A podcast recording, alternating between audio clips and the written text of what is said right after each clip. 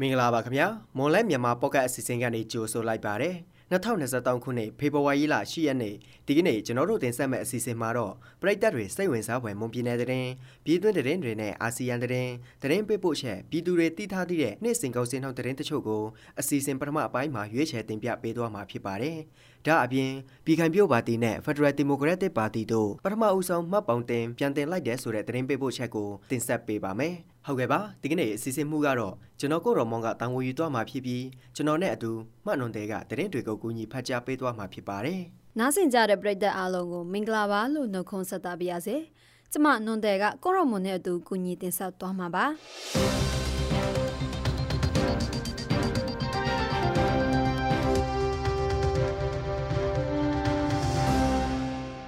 ရဲထဝဲကားလန်ရေဖြူမြို့နယ်28မိုင်နဲ့နှမ်းကျဲရွာကြားမှာတနေ့ကညနေပိုင်းကရောက်ဖို့ရွာတဲ့ကြောက်ဆရာတော်ရဲ့ကားတနတ်နဲ့ပြစ်ခတ်ခံခဲ့ရပါတယ်။ပြစ်ခတ်ခံရမှုကြောင့်ဆရာတော်ပြန်လွန်တော်မူပြီးအမျိုးသမီးတို့တေဆုံးကရင်မောင်းအပါဝင်6ဦးလည်းထိခိုက်ဒဏ်ရာရရှိခဲ့တယ်လို့သိရပါတယ်။ တနေ့ကညနေတောင်းနာရီဝန်းကျင်ချိန်ရောက်ဖို့ရွာတဲ့ကျောင်းဆရာတော်နဲ့ရင်မောင်းအပါဝင်ခီးတဲ့ရှေ့ဦးပါဝင်တဲ့ကားဟာထဝယ်မြို့မှာစေခမ်းပြပြီးရေဖြူမြို့နယ်ရောက်ဖို့ရွာတဲ့ကိုအပြန်တနတ်နဲ့ပြစ်ခတ်ခံရတာဖြစ်ပါတယ်။ပြန်လွန်တော်မူသွားတဲ့ဆရာတော်ဟာတက်တော်60နှစ်အရွယ်ရှိပြီးရာဖူးရွာတဲ့ဗုဒ္ဓတာရဏရခိတကျောင်းထိုင်ဆရာတော်ဖြစ်ပြီးဆရာတော်နဲ့အတူအသက်65နှစ်အရွယ်ရာဖူးကျေးရွာအုပ်စုတာယာမွန်ကျေးရွာနေဒေါ်အောင်မြင့်လဲတည်ဆုံခဲ့ပါတယ်။ မွန်ပြည်ကကွယ်ရေးတပ်တောင်ပိုင်းကနေမွန်ပြည်တော်လှန်ရေးတပ်အဖြစ်အမည်ပြောင်းလဲဖွဲ့စည်းလိုက်ပြီးဖြစ်တယ်လို့ပြီးခဲ့တဲ့ဖေဖော်ဝါရီလ၄ရက်နေ့မှာသတင်းထုတ်ပြန်ထားပါတယ်။ စစ်ကောင်စီတပ်သားတွေကိုပုံမထိအောင်တိုက်ပွဲဝင်နိုင်ဖို့နဲ့လက်နက်ကင်တိုက်ပွဲဝင်နေတဲ့မွန်ပြည်ရှိအခြားသောကာကွယ်ရေးတပ်တွေနိုင်ငံရေးအင်အားစုတွေနဲ့လက်တွေ့ကြကြပုံမပူပေါင်းပါဝင်နိုင်ဖို့အတွက်မွန်ပြည်တော်လှန်ရေးတပ်အဖြစ်သို့အမည်ပြောင်းလဲဖွဲ့စည်းလိုက်တာဖြစ်တယ်လို့ထုတ်ပြန်စာမှာဖော်ပြထားပါတယ်စစ်ကောင်စီကိုဖျောက်ချနိုင်ရေးလက်နက်ကင်တော်လှန်တဲ့နီလန်နဲ့2023ခုနှစ်စက်တင်ဘာလမှာ မွန်ပြည်ကာကွယ်ရေးတပ်တောင်ပိုင်းကိုစတင်ဖွဲ့စည်းလာတာပဲဖြစ်ပါတယ်။လက်ရှိမှာတော့မွန်ပြည်တော်လှန်ရေးတပ်အဖြစ်ကိုပြောင်းလဲဖွဲ့စည်းလိုက်တော့လေအရင်ဥဆောင်ကော်မတီတွေအတိုင်းဆက်လက်ဥဆောင်သွားမှာဖြစ်ပြီးမူဝါဒဆိုင်ရာတွေလည်းအရင်မွန်ပြည်ကာကွယ်ရေးတပ်တောင်ပိုင်းရဲ့မူဝါဒအတိုင်းစစ်ကောင်စီနဲ့သူတို့ရဲ့ထောက်တိုင်တွေကိုတိုက်ခိုက်သွားမှာဖြစ်တယ်လို့ထုတ်ပြန်ထားပါတယ်။မွန်ပြည်ကာကွယ်ရေးတပ်တောင်ပိုင်းကိုစတင်ဖွဲ့စည်းတဲ့အချိန်မှစပြီးတော့မွန်ပြည်နယ်အတွင်းစစ်ရေးဆိုင်ရာတိုက်ပွဲတွေ၃ချိန်ဖော်ဆောင်နိုင်ခဲ့ကြောင်းလည်းသိရပါဗျ။ ရန်ကုန်တိုင်းမင်္ဂလာတောင်မြို့နယ်ကကျူကျော်ဆိုပြီးဖျက်တိုက်ခံလိုက်ရတဲ့ဒူတွေဟာနေရာပြန်ရဖို့အတွက်စရမာရီရက်ကွက်ရှိကားလမ်းဘေးမှာတောက်ရက်မြောက်ဖြစ်မနေ့ကစူဝေးတောင်းဆိုခဲ့ပေမဲ့ရက်ကွက်အောက်ချုပ်ရဲမှုနဲ့စစ်ကောင်စီတပ်သားတွေကတနက်ပြစ်ပေါက်မောင်းထောက်ခဲ့တယ်လို့ SCL လည်းမပေးတော့ဘူးလို့ဒေတာခန်တွေကပြောပါတယ်။ မင်္ဂလာတော်မြို့နယ်ထဲမှာရှိတဲ့စန္ဒမာရီမြဲမြံအောင်ခေါင်းရင်းနေဓမ္မဘာလာနဲ့မြောက်ဝတီစိုက်ကင်စတဲ့ရက်ွက်တွေကိုတပ်ပိုင်မြေဆိုတဲ့အကြောင်းပြချက်နဲ့စစ်ကောင်စီတပ်က2022ခုနှစ်နိုဝင်ဘာလကတည်းကဖျက်သိမ်းခဲ့ပါတယ်။အဲ့ဒီရက်ွက်၅ခုမှာအင်ချီတောင်းဝန်းကျင်နဲ့လူဦးရေ9000နီးပါးနေထိုင်ခဲ့ကြပြီးလက်ရှိနေထိုင်ရေးအခက်အခဲကြောင့်မူလနေရာပြန်နေထိုင်ခွင့်ရဖို့ဖေဖော်ဝါရီ9ရက်နေ့ကစပြီးစရမာရီရက်ွက်ရှိမှာလူဦးရေတရားဝန်းကျင်နဲ့စုဝေးတောင်းဆိုခဲ့တာလို့ဆိုပါတယ်။ လာရောက်တောက်ဆိုသူတွေထဲမှာဖျက်တိုက်ခံရတဲ့ရက်ွက်တွေမှာနေထိုင်တဲ့သူတွေအပြင်အဲ့ဒီရက်ွက်နားကနယ်ခွေနဲ့ကော်တလာပေါင်းရွာမှာအိမ်ကနေထိုင်သူတွေပါပါတယ်လို့ဒေတာခန်တွေကဆိုပါတယ်။ဇန်နဝါရီလ6ရက်နေ့ကလည်း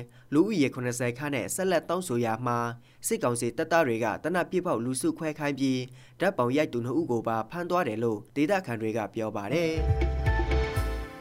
ရခိုင်ပြည်နယ်စစ်တွေမြို့မှာအသက်18နှစ်အရွယ်မနှွယ်တန္တဝင်းအသက်ခံရမှုအတွက်စိုင်မန်နေဂျာဦးမျိုးမြင့်စောကိုပြီးခဲ့တဲ့9ရက်နေ့မှာ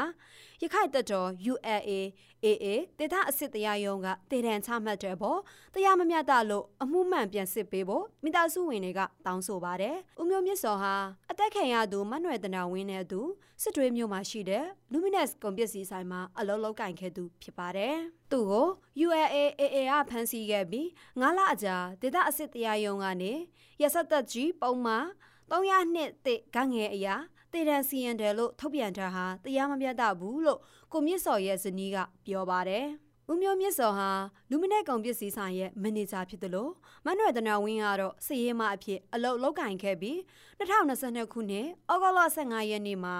ဆိုင်ထဲမှာမနွယ်တနာဝင်းတည်ဆောင်ခဲ့တာကြောင့်ပထမဆုံးမျက်မြင်သက်သေဖြစ်သူကိုမျိုးမြင့်စော်အဖမ်းခံခဲ့ရတယ်လို့ဆိုပါတယ်။ရခိုင်ပြည်နယ်မှာရခိုင်အမျိုးသားအဖွဲ့ချုပ်ရခိုင်တပ်တော် ULA AA ကဒေသတရားရုံးတွေဖွင့်ပြီးတရားရေးကိုကင်သွယ်ဖြစ်ရှင်းနေပေမဲ့ အခုလိုပြင်းထန်တဲ့ဒေသစီရင်မှုဟာပထမဆုံးအကြိမ်ဖြစ်တယ်လို့ဒေသခံတွေကပြောပါတယ်ထိုင်းနိုင်ငံမြေအောက်ရေပိုက်လိုင်းထဲပျောက်ကျပြီး18နာရီဝန်းကျင်ကြာပိုက်မိနေတဲ့မြန်မာရွှေပြောင်မိသားစုဝင်ကလေးငယ်ကိုကယ်ဆယ်ရေးအဖွဲ့တွေကမနေ့ကမနေ့ပိုင်းမှာအသက်ရှင်လျက်ကဲထုတ်နိုင်ခဲ့တယ်လို့ဒေတာသွင်းမီဒီယာတွေကဖော်ပြပါတယ်။မြန်မာရွှေပြောင်းလောက်တာမိသားစုဝင်တနှစ်နဲ့9လအရွယ်ကလေးငယ်ဟာတနေ့ကညနေ9နာရီဝန်းကျင်မှာအကျယ်တပေဝန်းကျင်အနက်ပေ90လောက်ရှိတဲ့မြေအောက်ရေပိုက်လိုင်းထဲပျောက်ကျပြီးပိုက်မိနေခဲ့တာပါ။အဲ့ဒီကလေးငယ်ဟာထိုင်းနိုင်ငံတက်ခရိုင်ဖောက်ဖရာမြို့ကျေးလက်ဒေသကဘီလော့ပီနန်ချာမှာလောက်ကင်နေတဲ့မြန်မာရွှေပြောင်းလောက်တာမိသားစုတွေရဲ့ကလေးငယ်ဖြစ်ပြီးဒီကနေ့မနက်10နာရီဝန်းကျင်မှာကဲထုတ်နိုင်ခဲ့တာဖြစ်တယ်လို့ထိုင်းနိုင်ငံအခြေစိုက်မီဒီယာတွေကဖော်ပြပါတယ်။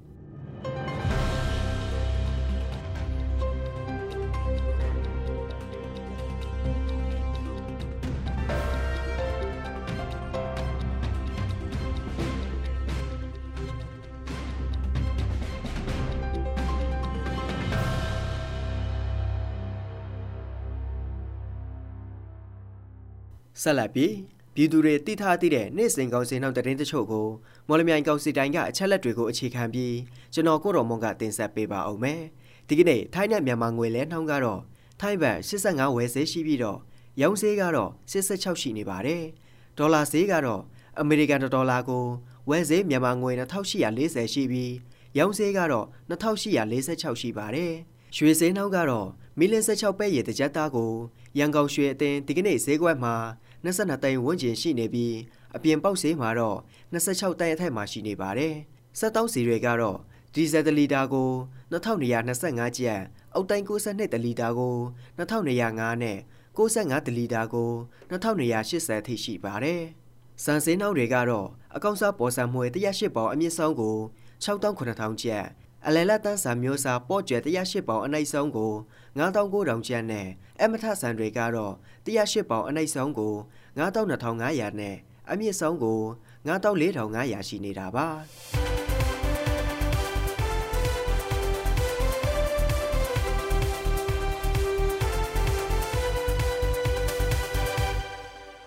အခုတင်ဆက်ပေးသွားခဲ့တာက ဖေဖော်ဝါရီလ10ရက်နေ့မှာဖြစ်ပျက်ခဲ့တဲ့မွန်ပြည်နယ်တရင်ပြည်တွင်းတရင်နဲ့အာဆီယံတရင်တွေအပြင်တနေ့တာစီစင်းငွေစင်းနဲ့ကောင်းစင်းနှုန်းတွေကိုတင်ဆက်ပေးသွားခဲ့တာဖြစ်ပါတယ်။ဆက်လက်ပြီးတော့ပြည်ခိုင်ပြုတ်ပါတီနဲ့ Federal Democratic Party တို့ပထမဦးဆုံးမှတ်ပုံတင်ပြန်တင်လိုက်တဲ့ဆိုတဲ့တင်ပေးပို့ချက်ကိုစနောက်တစ္ဆာကတင်ဆက်ပေးပါမယ်။ ပြည်ထောင်စုကြက်ခိုင်ရေးနဲ့ဖွံ့ဖြိုးရေးပါတီ USDP နဲ့ Patriot Democratic Party တို့ရွေးကောက်ပွဲဝင်ရောက်ရှင်ပြိုင်ဖို့မှတ်ပုံတင်ပြန်တင်လိုက်တယ်လို့သိရပါတယ်။အရင် Democratic Party စာ Patriot Democratic Party လို့အမည်ပြောင်းလဲပြီးမှတ်ပုံတင်ခဲ့တယ်လို့ Patriot Democratic Party မှတော်ချွချိုကျော်ញိုင်ကပြောပါတယ်။လောလောဆယ်ကတော့အန်တီတို့အခုပဲလေ Federal Democratic Party ဆိုပြီးတော့မနေ့ကပဲမှတ်ပုံသွားတင်တယ်။ဟိုဟိုဒီခံပြကပထမအန်တီတို့ကဒုတိယနော်။ဟုတ်တယ် မနေ့ကပဲသွားတင်တာအဲ့ဒါလာတင်တာလေနေပြီးတော့ဟုတ်တယ်သားဖတ်ထရဒီမိုကရက်တစ်ပါတီနဲ့ဥစောတမ်းမြက်ဥဆောင်တဲ့ဖတ်ထရပြည်တော်စုပါတီတို့ပူးပေါင်းပြီးရွေးကောက်ပွဲဝင်မယ်လို့သတင်းထွက်ပေါ်လာတော့လဲမိမိအနေနဲ့အဲ့ဒီကိစ္စကိုမသိရှိရတဲ့ဘူးလို့တော်ချိုချိုကြော်ញိုင်းကပြောပါရယ်ရွေးကောက်ပွဲဝင်ရောက်ရှင်ပြိုင်ဖို့ပါတီမှတ်ပုံတင်ပြနေတဲ့ကိစ္စနဲ့ပတ်သက်ပြီးအကြောင်းဆောင်သိရှိနိုင်ရေး USDP မှတာဝန်ရှိသူတွေထံဖောင်းဆက်တွားခဲ့ပေမဲ့ဖောင်းလက်ခံပြချတာမျိုးမရှိပါဘူး ဒါပေမဲ့လည်းနိစ္စသူတွေကတော့ USDP ပါတီဟာပါတီမှတ်ပုံတင်ခြင်းကိုပြန်လည်လှုပ်ဆောင်ထားပြီးဖြစ်တယ်လို့သိရပါတယ်။ဖက်ထရယ်ဒီမိုကရက်တစ်ပါတီအနေနဲ့ပဲခူးတိုင်းဒေသကြီးတွင်ဝင်ရောက်ရှင်ပြိုင်မှာဖြစ်ပြီးတိုင်းပြည်ငြိမ်းချမ်းရေးလူထုကောင်းကျိုးအတွက်ဥတီလှုပ်ဆောင်တာဖြစ်တယ်လို့တော်ချူချူကျော်နိုင်ကပြောပါတယ်။ဟိုအန်တီတို့ကတော့လေဟိုပေါ့နော်စရ88တရားကိုတိုင်းပြည်ကိုလူမျိုးကောင်းအောင်ကြီးပွားအောင်တိုးတက်အောင်ပဲဒီမှန်းပြီးတော့ပဲ နိုင်ငံရေးလုပ်ကြတာပဲလေနော်အဲအန်တီပါတီမှာလည်းစိတ်တူကိုလူဒီလိုလူမျိုးတွေပဲရှိတယ်ဆိုတော့ကိုနေတဲ့ကိုတိုင်နဲ့ပေါ့နော်ကိုဟိုတာဝန်ယူနိုင်တဲ့တိုင်းလိုက်ပဲစူးစမ်းပြီးလုပ်နေကြဆိုအန်တီတို့ကလည်းဒီတိုင်းပဲဟိုဘုဖအမင်းတို့လည်းဒီတိုင်းပဲရှိမှာပါအားလုံးတူတူပါပဲလေအဲ့တော့ဟအန်တီတို့ကလည်း အခုဟာတော့ဟိုစားပြည့်အတိုင်းစီးမြင့်နေရလဲနည်းနည်းကြက်တယ်အဲပတ်စံကလည်း နည်းနည်းများတယ်နော်ဟိုအန်တီအန်တီအမြင်ပြောတာပေါ့နော် အန်တီတို့က နိုင်ငံရေးသမားဆိုတာပတ်စံတော့ အဖွဲ့အစည်းတိုင်းကချို့လျာတော့ပတ်စံပေါ်တယ် အန်တီတို့ကျတော့ ကိုယ့်ကိုယ်ပိုင် ပတ်စံနဲ့လောက်ကြကြတာဆိုတော့လေအဲ့လိုတော့မများဘူးပေါ့အဲ့တော့ကိုတနိုင်တနိုင်နိုင်နေချင်းနဲ့ဟိုတိုင်းလို့ပဲကိုစူးစမ်းပြီးလုပ်တာပါဒါဟိုဘုဒ္ဓချက်ကတော့တိုင်းပြည်ကောင်းဖို့ပါနော်ငြိမ်းချမ်းခြင်းနဲ့တိုင်းပြည်ကောင်းခြင်းနဲ့ပြည်သူလူထုအလုံးငြိမ်းချမ်းငြိမ်းချမ်းချမ်းနဲ့တိုင်းပြည်ကျုပ်ကြီးပွားခြင်းနဲ့ဒါပဲသားကြီးကနော်နိုင်ငံရေးပါတီဖြစ်ဆက်လက်တည်ထောင်လိုပါကဥပဒေစတင်ပြဋ္ဌာန်းတဲ့နေရမှစ၍ရပ်ပေါင်း60အတွင်းကော်မရှင်တို့ ဥပဒေနဲ့ဥပဒေများနဲ့အညီရှောက်ထားရမည်ဖြစ်ကြောင်းအဆိုပါတမန်ရအတွင်းရှောက်ထားခြင်းမရှိပါကနိုင်ငံရေးပါတီဖြစ်မှအလိုလျောက်ပြက်ပြက်ပြီးဖြစ်ကြောင်းစစ်ကောင်စီက2023ခုနှစ်ဇန်နဝါရီ31ရက်နေ့မှာထောက်ပြန်ခဲ့ပါတယ်။အဲဒီနောက်ပြည်တော်စုချက်ခံရေးနဲ့ဖိုးဖြိုးရေးပါတီဖတ်ထွက်ဒီမိုကရက်တစ်ပါတီတွေဟာပထမဦးဆောင်မှတ်ပုံတင်ပြန်တင်တဲ့နိုင်ငံရေးပါတီတွေဖြစ်ပါတယ်ရှင်။ ကျမတို့ရဲ့မွန်လန်းမြန်မာဖောက်ကအစီအစဉ်ဒီမှာတင်ပြီးဆုံးပါပြီ။နားဆင်ကြတဲ့ပရိသတ်အားလုံးကိုနောက်နေ့အစီအစဉ်တွေမှာဆက်လက်အားပေးကြပါအောင်လို့ဖိတ်ခေါ်ရင်ဒီအစီအစဉ်ကိုဒီမှာပဲအဆုံးသတ်ပါရစေ။အားလုံးကိုကျေးဇူးတင်ပါတယ်ရှင်။